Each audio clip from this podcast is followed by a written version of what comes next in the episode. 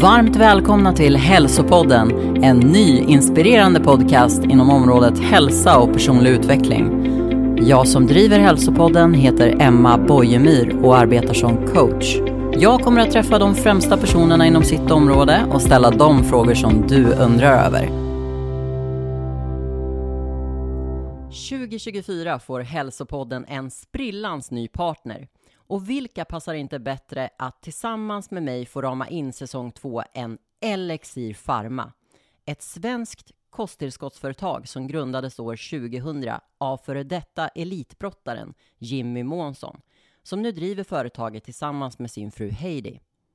Precis som för mig ligger hälsa och välmående högt upp på agendan för Elixir Pharma och att få dela med sig av tips för en mer hälsosam vardag till sin community. Caroline Willboys. Caroline är legitimerad dietist med över 15 års erfarenhet av att jobba med både friska och sjuka människor. Idag driver hon populära Instagramkontot Dietistens val med sin kollega Johanna, där de inspirerar följarna till god och enkel mat som på köpet också är bra för hälsan. Caroline är receptkreatör, kokboksförfattare och föreläsare och vi har bland annat kunnat se henne i tv-rutan som dietist i programmet Biggest Loser och Laga mat i TV4. I det här avsnittet delar hon sina bästa kosttips för mer hälsa i vardagen. Hur man skapar nya vanor och når sina mål på ett hållbart sätt. Varför det är så viktigt att njuta av maten. Och självklart så delar hon sina bästa recept i Hälsopodden. Så lyssna in och låt dig inspireras. Varmt välkommen till Hälsopodden Caroline. Men tack snälla, vilken ära att få vara med. Alltså frågorna kring kost eh, och speciellt vad man ska äta, hur man ska äta, ska man äta vegetariskt, eh, hur lägger man bäst upp en eh, diet för att, att må bättre, kanske gå ner i vikt. Alltså de, frågorna kring kost, de är hur många som helst. Eh, och när jag frågade lyssnarna så här, vad vill ni höra mer av den här säsongen, då var det liksom post. Ja, vad roligt. Det, Ja, kanske är speciellt så här i början på året också. Då brukar det vara extra mycket frågor om hälsa och mat kanske. ja men verkligen. Eh, och då tänkte jag så här, men vem är bättre att svara på de här frågorna än Caroline? Oh, vad snäll, tack. Ja, och du har ju synts både liksom i rutan på Biggest Loser och du driver ju företag tillsammans med din eh, kollega där också, Dietistens val. Ehm, så det känns som att det här är, det här är verkligen ditt expertområde. ja, jag älskar att prata mat så det känns eh, jätteroligt. Kul. Hur mår du idag? Jag mår bra. Det är ju, eh, min kollega sa just precis här, ja men nu är det 50 minuter, på 10 dagar så är det 50 minuters ljusare tid. Nu går vi mot ljusare tider. Och det är klart, jag tycker det, det märks faktiskt. Ja, jag håller med dig. piggare, det är lite lättare. Så jag mår bra. Ja, vad härligt. Ja, men det känns att det blir ljusare och, och visst blir man påverkad? Ja, det tycker jag i allra högsta grad. Alla är säkert väldigt olika, men eh, jag påverkas mycket och jag tycker det kan vara mysigt med årstider, men eh, det är ju något härligt när ljuset kommer tillbaks. Alltså nu är det ju så att jag följer ju dig på Instagram så att jag Mm. ser att du har åkt en hel del skidor. Ja, ja, Du gillar att vara ute och träna och så ja, det, jag har väl eh, gjort det hela mitt liv, åkt skidor och sprungit sedan jag var liten, så jag har, det, jag har det med mig lite gratis. Och den här vintern vi har haft det här i Stockholmsområdet, det är vi inte så bortskämda med. Det har ju legat snö i princip från mitten av november, så det har ju varit fantastiskt att kunna åka skidor liksom utanför knuten nästan. Ja, ja, jag håller med dig. Har du något sånt här ställe du brukar åka till i fjällen annars eller kör du mest hemma vid? Eh, ja, men i vanliga fall så brukar jag ju få, eller då måste man ju åka någonstans för att kunna åka om man inte vill åka rullskidor hela tiden.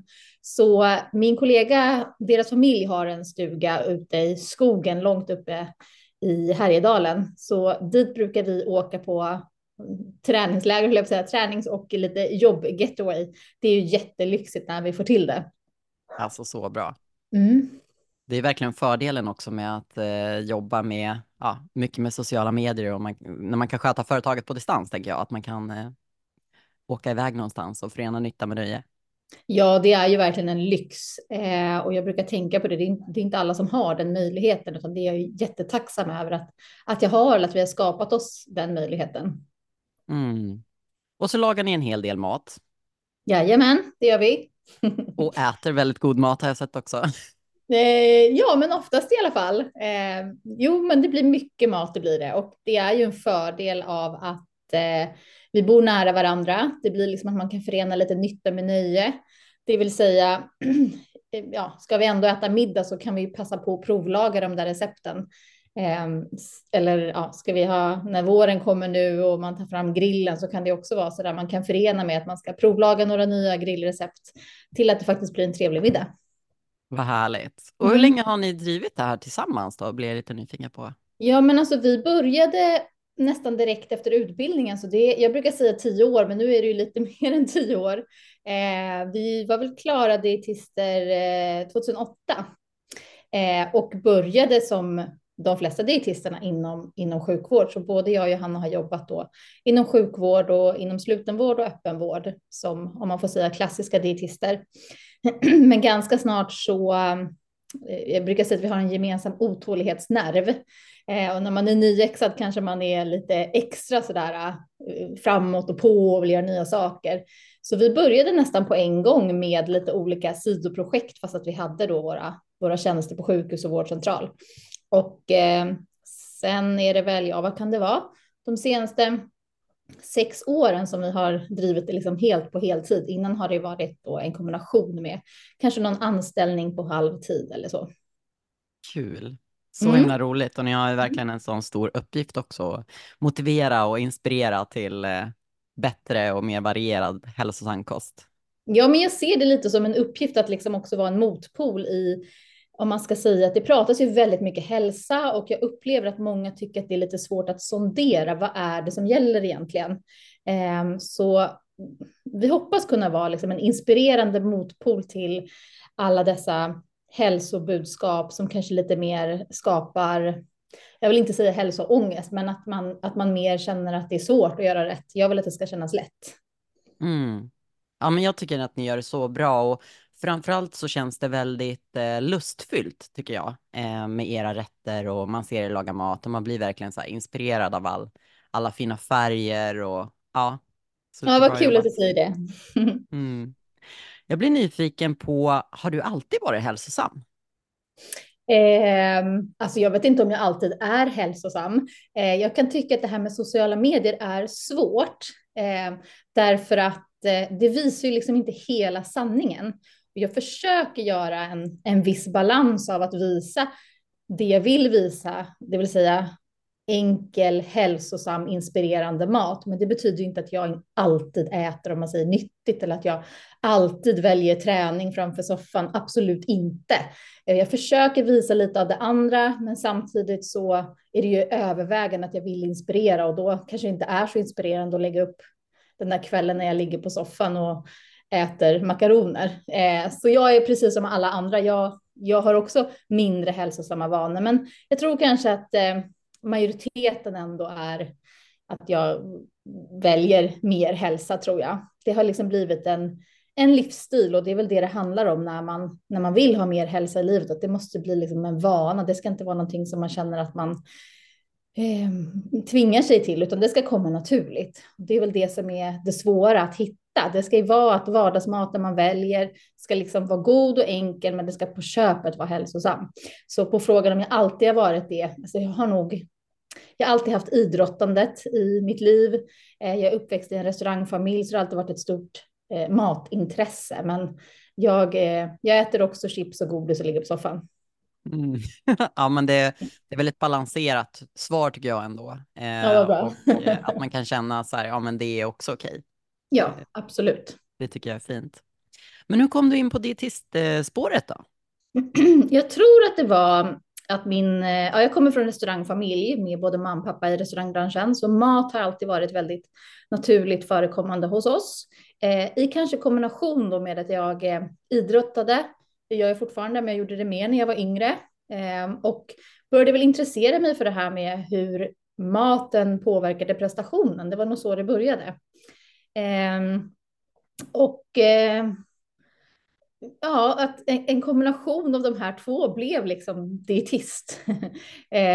så det kom liksom ganska naturligt för mig att jag sökte mig till dietistområdet och blev fascinerad väldigt snabbt. I början var det just det här med mat, prestation, idrott som jag tyckte var väldigt fascinerande. Men jag fick snabbt andra infallsvinklar och eh, tyckte väl kanske att det fanns väldigt mycket att göra för väldigt många människor med maten för att ja, men hjälpa till att, att, att fler kan må bättre och det fascinerade mig.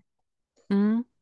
Ja, för jag tänker att det är ju ändå stor skillnad där om man tänker så här eh, kost, prestation, idrott till folkhälsa.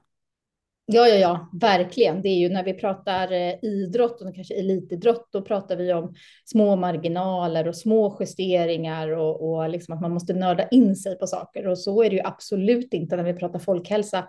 Även om det kanske upplevs så ibland att det är de små sakerna man ska fokusera på, så är det ju snarare de stora penseldragen som är det som kommer spela roll.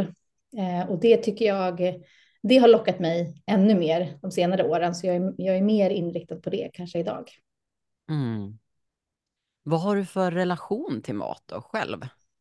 Eh, jag skulle vilja säga att jag älskar mat. Jag tycker mat är eh, livets liksom, goda. Jag tänker väldigt mycket på mat. Jag ser fram emot att äta mat. Eh, jag tycker att det är en lyx att få jobba med mat. Jag tycker det är väldigt roligt att laga mat. Eh, och eh, jag skulle vilja liksom få fler kanske att känna att det inte behöver vara så krångligt med mat. Sen så är väl jag också som alla andra att kommer man hem halv åtta en tisdag kväll så om man inte har tänkt till på vad man ska äta så är inte den här vardagsmaten alltid jättespännande. Mm. Nej, och det där är svårt också tycker jag för att personligen så har jag inte heller alltid älskat att laga mat, men jag är trebarnsmamma och någonstans där också med mitt första barn, då kom liksom mer intresset för så här näring och ja, man känner liksom mm. ansvar över den här lilla personen, att den ska få en bra relation till mat och den ska få i sig vettiga grejer.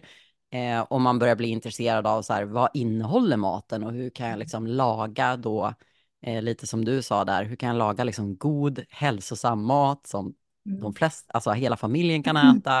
Eh, det är inte helt enkelt faktiskt. Nej det är ju, man behöver liksom söka inspiration och då är det ju liksom, ja, super att man kan hitta den på, hos er bland annat, tycker jag. Ja, bra. Jo, men idag finns det ju en uppsjö med, eh, alltså man blir, det är ju recept överallt och inspiration överallt, så egentligen kanske inte det är det svåra, utan eh, det svåra är liksom att få till det i vardagen, tycker jag. Att, att ha maten hemma, att veta vad man ska laga, veta hur man ska göra.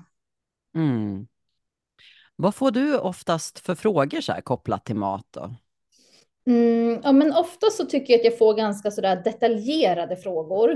Eh, det kan vara specifikt om vissa ingredienser eller någon tillsats eller hur är det nu med honung i den här grytan? Ska man akta sig för socker? Eh, om jag ska generalisera så är det ganska mycket att man liksom ja, men lite som jag sa med elitidrottare, man snör liksom in lite på detaljer och jag svarar jättegärna på det. Men ibland upplever jag att jag vill vidga vyn, liksom vidga personens eh, synsätt och eh, så man inte missar helheten. Eh, men sen annars så är det ju mycket frågor om hälsa, vikt och det som det pratas om i media just nu. Det senaste som man pratade om på Nyhetsmorgon, det är det som frågorna kommer om kan man säga. Mm. Så det gäller att vara lite uppdaterad om vad det är som cirkulerar just nu. Ja, men verkligen. Det förstår jag för att kunna ge bra svar.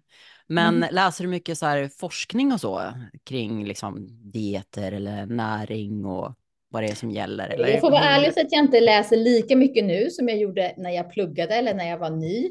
Men eh, å andra sidan har jag blivit lite smartare på hur jag liksom, på ett enkelt sätt kan ta till mig nya ny råd och rön. För det är ju ändå så att även om grunden i det som jag kan och det jag lärde mig under utbildningen, det är ju fortfarande samma sak som gäller. Även om man kan tro att det svänger väldigt mycket så är det ju faktiskt så att det är snarare ny forskning som kommer bekräfta det vi redan vet och det tycker jag är en stor trygghet. Men självklart så kommer det nya råd och rön som man måste sätta sig in i och förstå vad är evidensen bakom det här så man kan ge bra svar.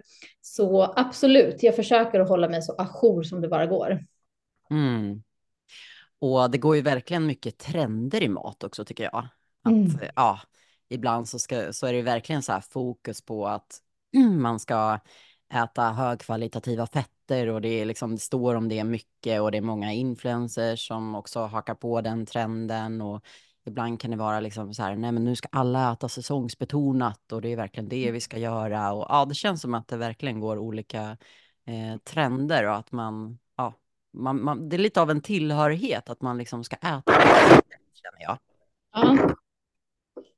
Det märker jag också. Och jag, jag tycker nu det här senaste som har liksom seglat upp, eh, att det är flera kanske mm, profiler eller eh, influencers, om man får säga det, som kanske har varit eh, ganska dedikerade inom att äta helt växtbaserat, som nu kanske eh, vänder om och eh, förespråkar någonting annat.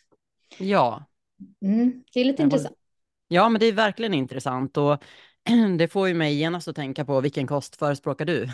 Hur ska man Eh, äta? men jag förespråkar en kost som är mycket mat från växtriket utan att säga att man endast ska äta från växtriket. Alltså mycket grönsaker, frukter, bär, rotfrukter, gärna i olika färger. Mycket nyttiga fetter eh, från olja, nötter, frön. Mer fullkorn till fördel eller framför då eh, vitt mjöl utan att säga att man inte ska äta vitt mjöl utan snarare att man ska tänka till på balansen däremellan. Eh, lite mindre rött kött, socker och alkohol. Och jag tror att när jag säger de här sakerna så jag tror att de flesta skriver upp på det. Det är liksom inga konstigheter. Så om man ska sätta en rubrik på det så blir det ju faktiskt. Eh, ja, men jag förespråkar den kosten som nordiska näringsrekommendationer har slagit fast eh, som bygger på gedigen forskning av, ja, i i- från flera länder kan man säga. Eh, och sen gäller det ju att göra det här till sin egen mat. Och det är väl det som är det svåra. Därför ibland kan man kanske tycka att när det kommer en trend så kanske det var lite kul att hoppa på. Eh, man vill ha liksom lite quick fix, man vill ha någonting nytt. Man tycker att det här är liksom lite det här gamla, det funkar kanske inte. Men sanningen är ju att vi äter ju inte enligt de här rekommendationerna. Skulle vi göra det så skulle vi ha väldigt mycket mindre sjukdom än vad vi har idag. Så det är snarare att vi istället för att skruva på kostråden kanske vi behöver hjälpa fler människor att närma sig att äta så som forskningen faktiskt säger. Mm. Ja, jag håller verkligen med. Eh, men vad tänker du om de här omdebatterade grejerna som gluten och mejeriprodukter och Ja, men gluten, det har det ju pratats mycket om och det finns ju i vete, råg, havre, korn eller inte i havre i sig, men, men i den vanliga havren så finns det ju ändå med kontaminerat från annat. Och eh, är det en enda sak som man ska göra för hälsan så är det att äta mer fullkorn, det vet vi. Och de här vete, råg, havrekorn är ju jättebra källa till fullkorn. Så jag ser faktiskt inte en enda anledning att välja bort gluten om det inte är så att man faktiskt har en överkänslighet eller har celiaki. Ehm, Så det är det enkla svaret på frågan. mm. Eh, och när vi pratar om mejeri eh, så skulle jag säga att det kan vara bra att tänka till på vilken eh, fettnivå det är på mejeriprodukterna. Därför att det är bra att välja lite mindre mängd fett från mejerifett till fördel då från mer från växtriket så man får den balansen. Och sen brukar jag säga att det kan vara ganska bra att försöka få in att man mejeriflexar lite grann. Det vill säga att man även kan välja växtbaserade produkter ibland, att man kanske inte alltid väljer då mejeriprodukter, både för hälsan men också för klimatet. Ja, bra, den tar jag med mig verkligen. Mm. Mejeriflex, var det så du sa? Ja, vad mejeriflexar. Man behöver inte utesluta mejeriprodukter, men man kan ju tänka till så här, hur mycket mejeriprodukter äter jag? Finns det någon av dem som jag skulle kunna välja från växtriket lika bra? Alltså exempelvis då havredryck eller ja, vad, man nu, vad man nu föredrar och gillar. Ja, och det där tycker jag, ja, det är ju faktiskt ganska lätt att genomföra. För jag, jag lagar ju mycket så här, ja men klassisk eh, husmanskost eller vad man ska säga. Det blir korv stroganoff och det blir köttfärssås och det blir eh, eh chili con carne och sådär. Och det, istället för grädde då så är det verkligen, det är kanske, kanske ganska enkelt då att ta något eh, havrebaserat eller något växtbaserat alternativ att växla med. Mm. Ja, snyggt. Nu är det ju så att det är januari och det är nytt år.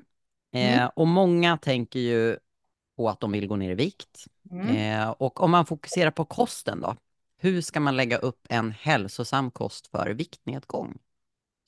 Alltså det handlar ju om lite som vi var inne i början på att skapa nya vanor. Och en vana, det är ju någonting som jag brukar säga, det sker utan att man behöver tänka på det. Det är liksom lite på automatik. Så därför måste man liksom träna in ett nytt beteende. Och eh, jag tycker att med min erfarenhet, två liksom nyckelfaktorer för att få det här att funka. Så brukar jag först säga så här, ja, men man kan tänka sig som att det är massa snö ute och så ska man liksom gå mot sitt mål och så ska man liksom trampa igenom all den här snön. Det kommer vara supertungt första gången, men om du ska gå samma väg många gånger så blir det lättare och lättare. Och lite samma sak är det när man liksom ska få in en ny vana. Det sker inte på automatik första gången, utan man måste lite bestämma sig och så måste man genomföra det och så blir det lättare och lättare. Och sen någon gång när man har gått ut och trampat upp stigen så har det kommit lite nysnö och så är det lite svårare igen, men då kanske man behöver pausa lite och sen kan man trampa vidare på den här stigen. En liten bildlig illustration. Men det är två saker. Och det ena är att sätta upp, liksom, vad är det jag vill göra för någonting? Sätta upp ett mål som gör det lätt att, eh, ja, men gör det lätt att lyckas. Det vill säga, välj någonting som ligger ganska nära det du gör idag. Vänd liksom inte upp och ner på allting. Det klassiska att man eh, kanske tränar en gång i veckan och sen helt plötsligt så säger man att man ska träna sju gånger i veckan. Eller att man kanske äter i princip bara hämtmat och så bestämmer man sig för att man ska laga mat sju dagar i veckan. Eh, jag tror att det är svårt att känna att man klarar av det här och också kunna klappa sig själv på axeln och säga att ja, men vad bra, nu väljer vi nästa vana. De väljer någonting som ligger nära det du gör idag och få det till en vana innan du liksom går på nästa sak. Att skapa nya vanor tar tid, att gå ner i vikt tar ofta tid och det måste få ta lite tid. Det andra saken som jag skulle vilja säga, det är att du måste bli mätt på den maten du äter. Därför att hunger är en jättestark drivkraft och ska vi gå omkring och vara hungriga så kommer vi inte orka det här så länge. Så många som jag träffar och hjälper tycker ju att det är väldigt skönt att man inte behöver vara hungrig när, när man äter så som jag säger att man ska göra. Och man går faktiskt ändå ner i vikt. Så minska inte på mängden mat, men minska på mängden kalorier kan man säga. Och hur gör man det? Ja, men det handlar ju väldigt mycket om att eh, vara lite smart i de valen som man gör. Det handlar om att välja mat som mättar, som mättar lite längre, som ligger kvar i magsäcken. Alltså om man väljer mat med lite mer protein, lite mer fibrer som magen måste jobba med så stannar maten längre. Man håller sig mätt lite längre.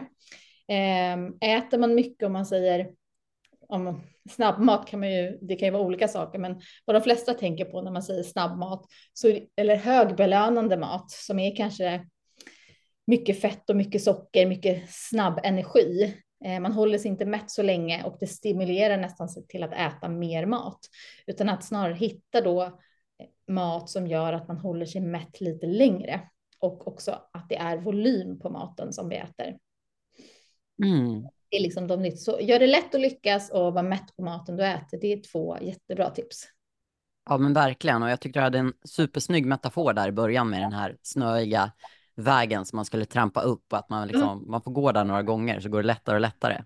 Mm. Det är supersnyggt ju. För att det flesta som de, eller det som många vill ha, det är ju en quick fix. Att man vill snabbt se resultat, eh, man vill känna att man är duktig, att man gör rätt och att det går lätt. Mm. Eh, och vad skulle du säga om det? Är det möjligt att få en snabb start eller ska man liksom bara förkasta den tanken?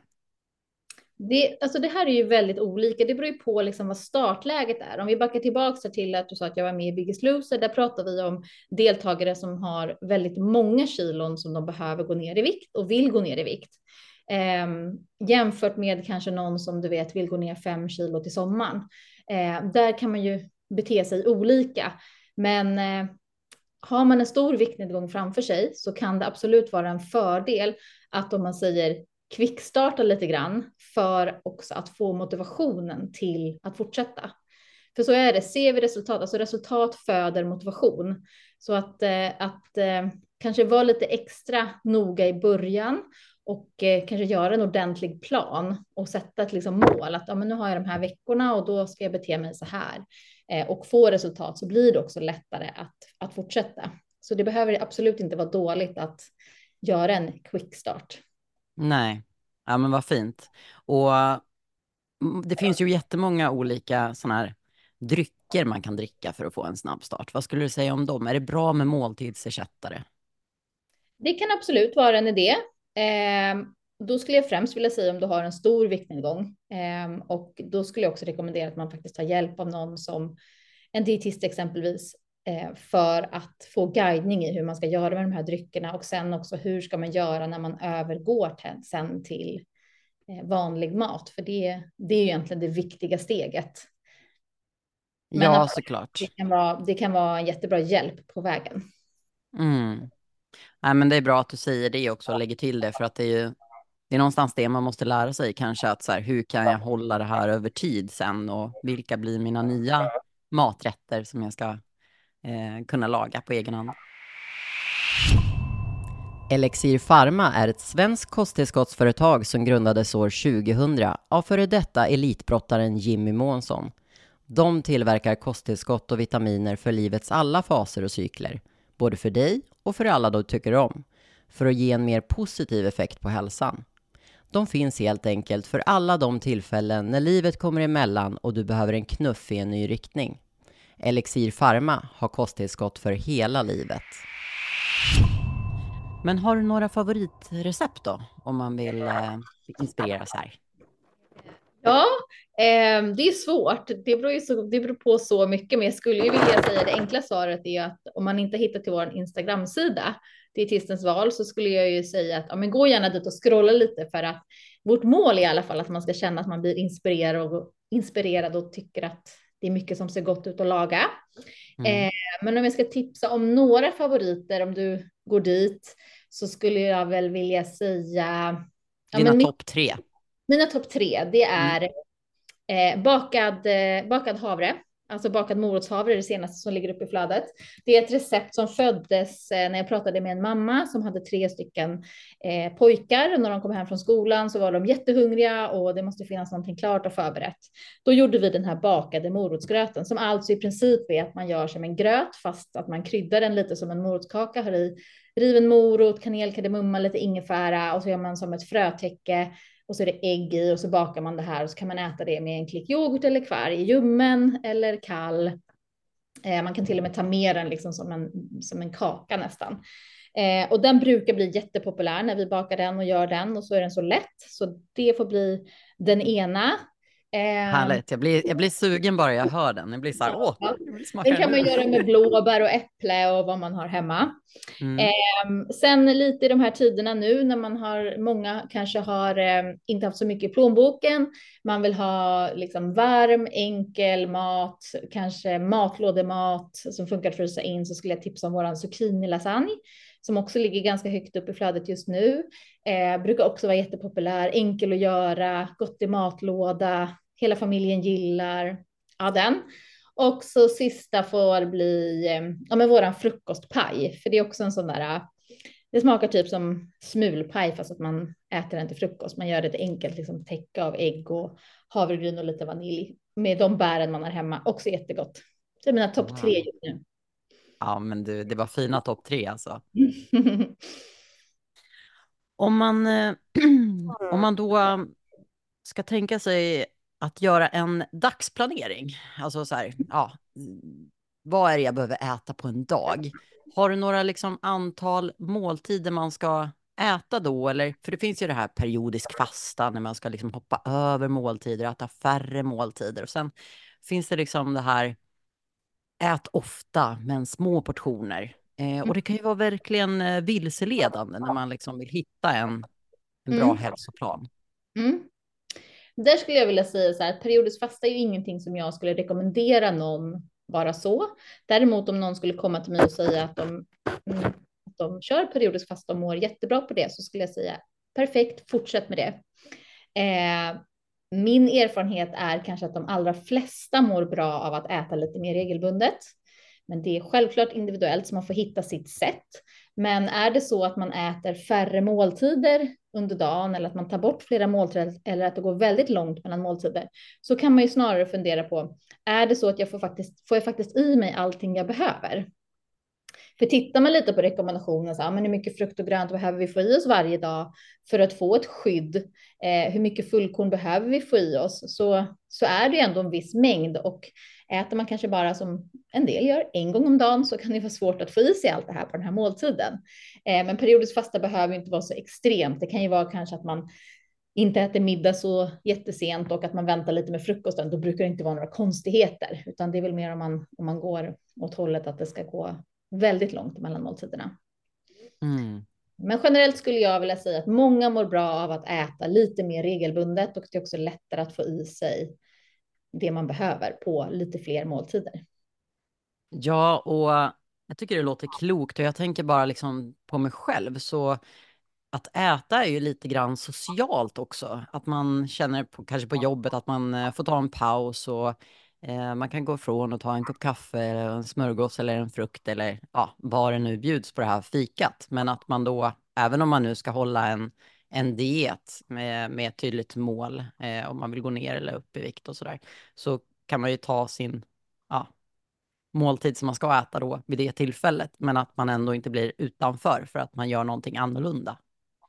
Just det. Nej, men det är som du säger, våra måltider är ju så mycket mer än bara mat och det får man ju att tänka på faktiskt. Eh, under utbildningen till dietist så provade ju vi väldigt mycket olika eh, koster, alltså kanske inte sådana trenddieter utan snarare sådana man kanske behöver stå på om man har någon sjukdom. Och eh, under en veckas tid så valde jag att få, få maten direkt i, eh, alltså en sond in i näsan och direkt i magsäcken. Eh, det här var ju, eh, man, det var frivilligt. Ja, det är bra Men tillägg. Det var ju så lärorikt och som du säger att att, att inte få tugga någonting, att inte ha någonting i munnen, men faktiskt också det här sociala. Det blev så konstigt att man inte hade de här sociala tillfällena när man satt ner och åt någonting och pratade med människor. Det var jättekonstigt. Ja, för man delar ju liksom stunden, men man delar ju också smakerna på ett sätt. Verkligen. Och man såg också hur mycket det är när man bestämmer sig. Ska vi ta en fika? Ska vi ses på en middag? Ska vi ses på en drink? Det är väldigt mycket som är associerat till mat. Ja, en fin stund när man sitter ner och mm. är närvarande. Mm. Mm. Men finns det några matmyter då som du skulle vilja slå hål på? Några matmyter kanske är att tillsatser är farligt. Eh, jag skulle vilja säga att det är tur att de finns, annars så hade vi inte kunnat äta i närheten av så som vi äter idag. Eh, gå till affären och handla en gång i veckan, utan då hade vi fått gå och handla varje dag. Eh, sen är det absolut så att det finns många tillsatser som jag kan tycka är onödiga och de kan vara bra att undvika, men att det skulle finnas något farligt med det, då tycker jag att vi lägger fokus på lite fel saker. Vi vet idag att många människor blir sjuka av maten vi äter, men det handlar inte om tillsatserna, utan det handlar om andra saker. Finns det mat som är fettförbrännande? Eh, alltså i teorin ja, men i praktiken nej. Är, är det exempelvis mycket chili i maten så kan man ju se att förbränningen går upp, men det är så minimalt så att eh, det, det får liksom ingen praktisk betydelse. Mm. Äppelcidervinäger är en sån här grej som brukar florera ibland. Drick mm. äppelcidervinäger före måltiden eller till maten. Vad säger du mm. om det?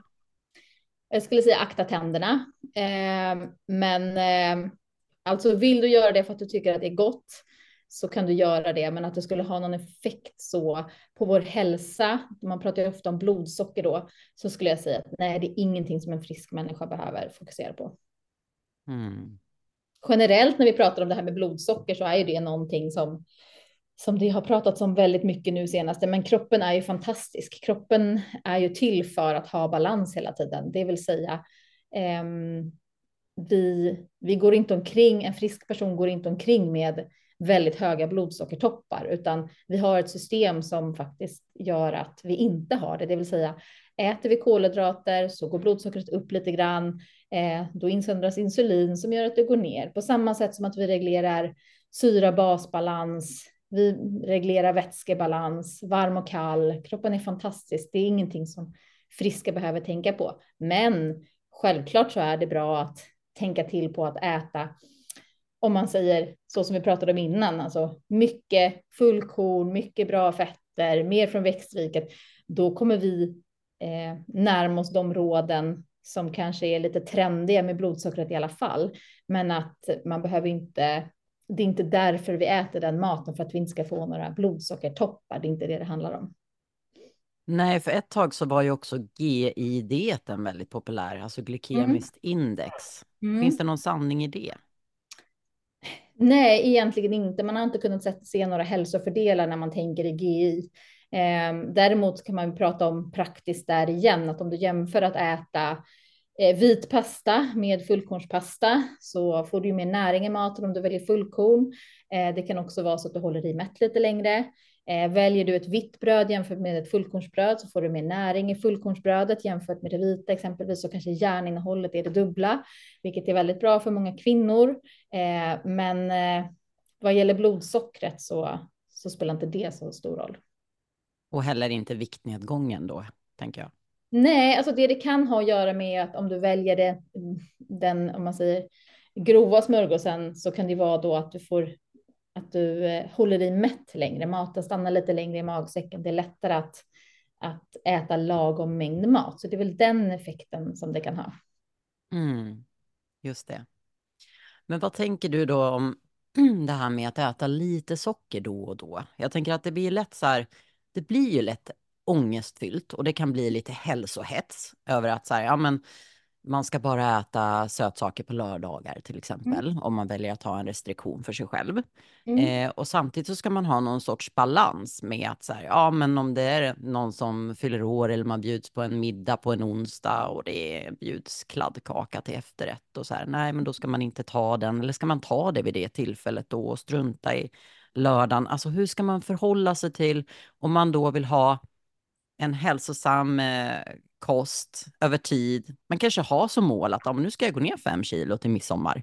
Alltså mm. hur ska man tänka kring det här med socker och speciella tillfällen? Och, mm. Vad tycker du? Alltså, ja, men alltså sockret i sig har ju liksom fått en liten giftstämpel skulle jag säga.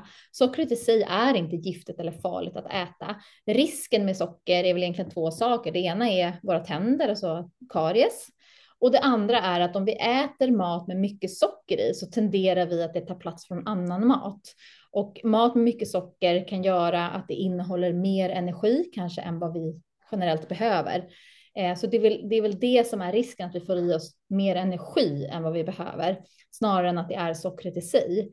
Är det någonting som jag tycker att man ska tänka till på, det är om man är, dricker mycket sötad dryck, för då är det väldigt lätt att man får i sig lite större mängder socker som inte mättar och det är onödigt.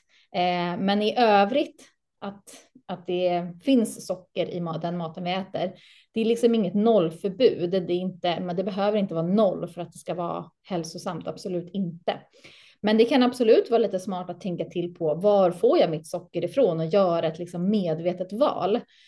Exempelvis så kanske det är så att man, liksom, man väljer den frukostflingan och det brödet och den yoghurten till frukost som man oftast, man har valt samma hela tiden bara för att man alltid har gjort det. Det kan ju vara värt att kika på det man äter varje dag. Är det så att man väljer en fruktyoghurt, ett sötat bröd, söta flingor så blir det ju mycket socker som man äter varje dag utan att man kanske riktigt ens tänker på det.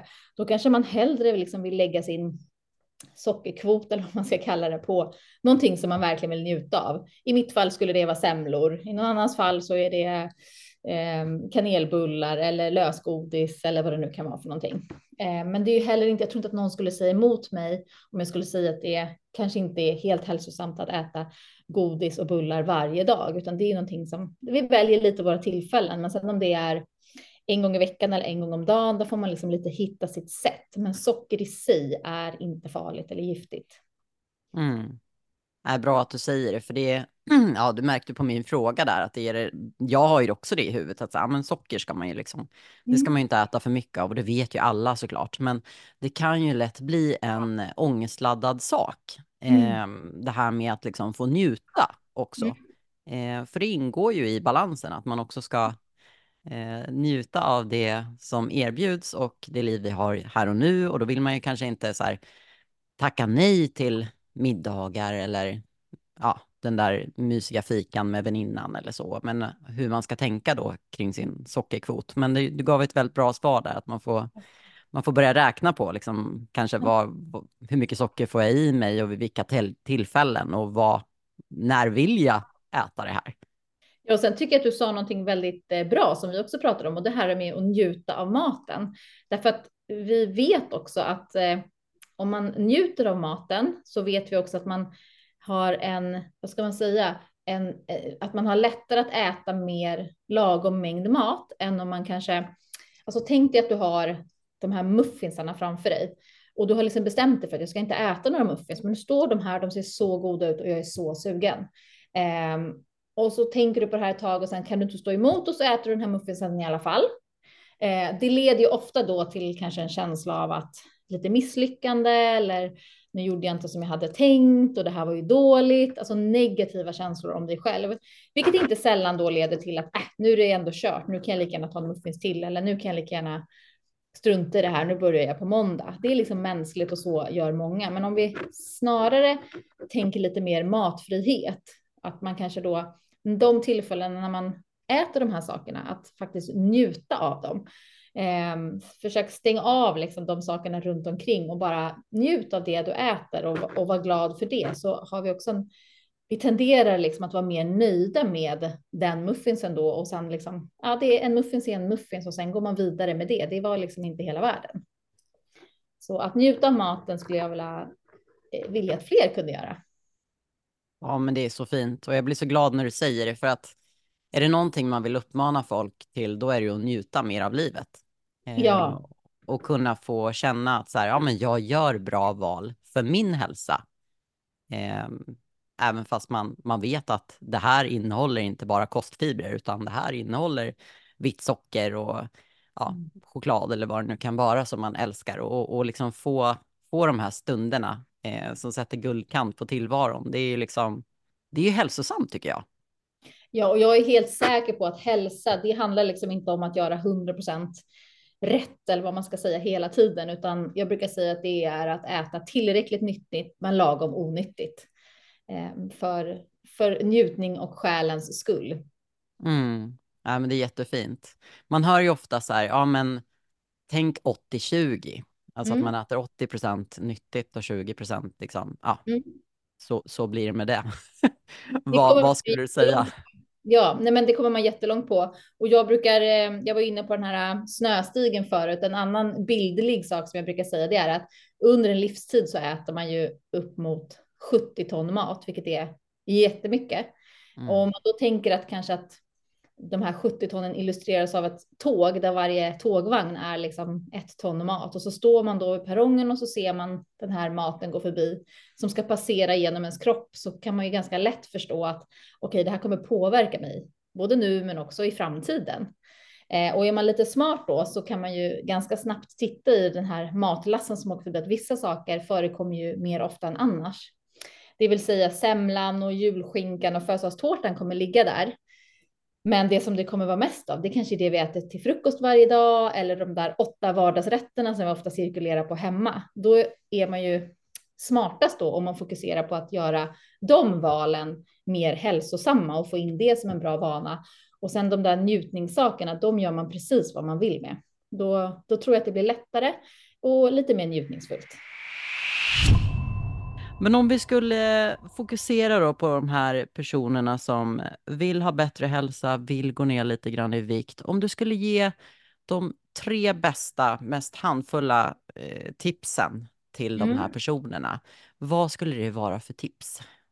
Eh, ja, men jag, skulle, jag skulle vilja ha med dem som jag sa där i början, att man ska försöka sätta upp liksom, mål för sig själv och som är lätta att Alltså det ska ligga nära det du gör idag. Gör steget litet för att det ska bli lätt att lyckas.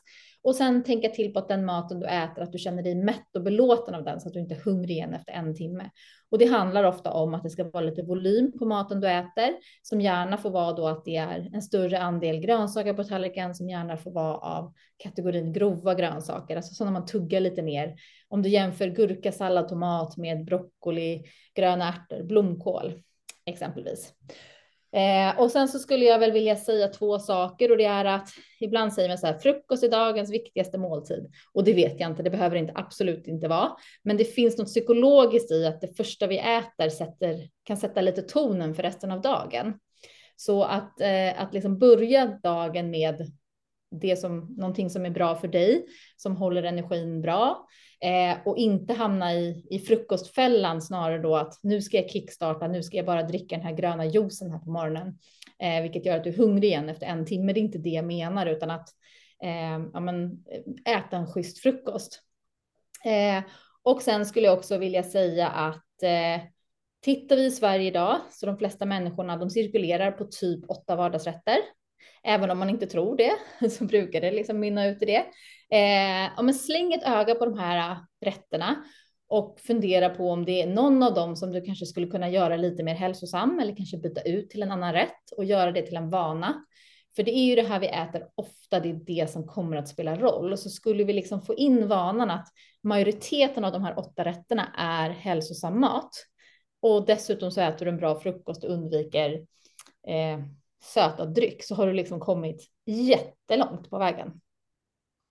Härligt. Så bra tips och man blir verkligen inspirerad när man hör dig prata om det här för att ja, du kan så mycket och du ger verkligen eh, tips på en lagom nivå så att man, man förstår vad man ska göra och man får sig lite grann, ja, en kompass. Ja.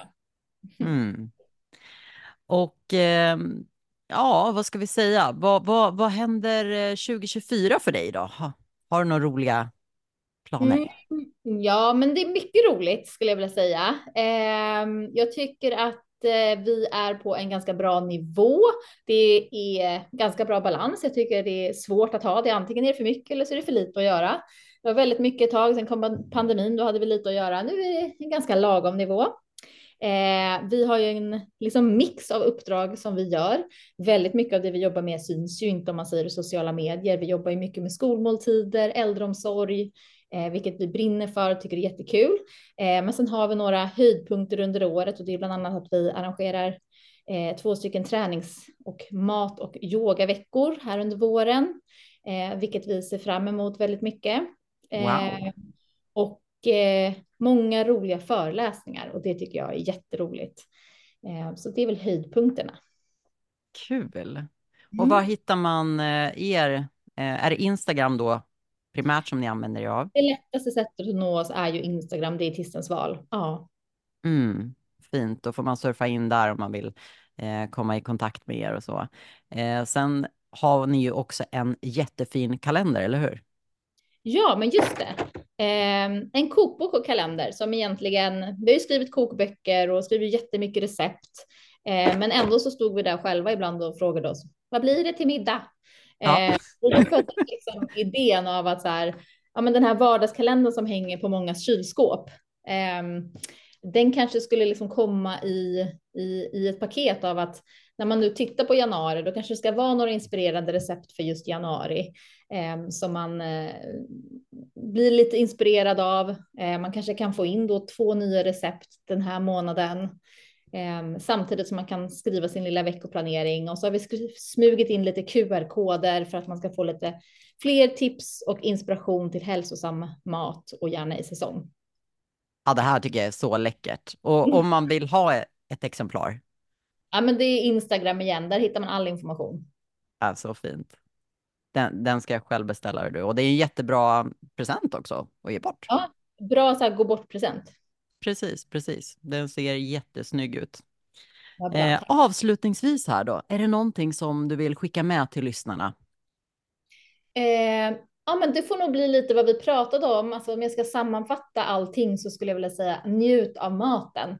Eh, hälsa är så mycket mer än gröna juicer och hälsosam mat i sig, utan det handlar ju om att det är en, en, social företeelse att sitta ner, gärna kanske i sällskap med andra eller i sällskap med sig själv.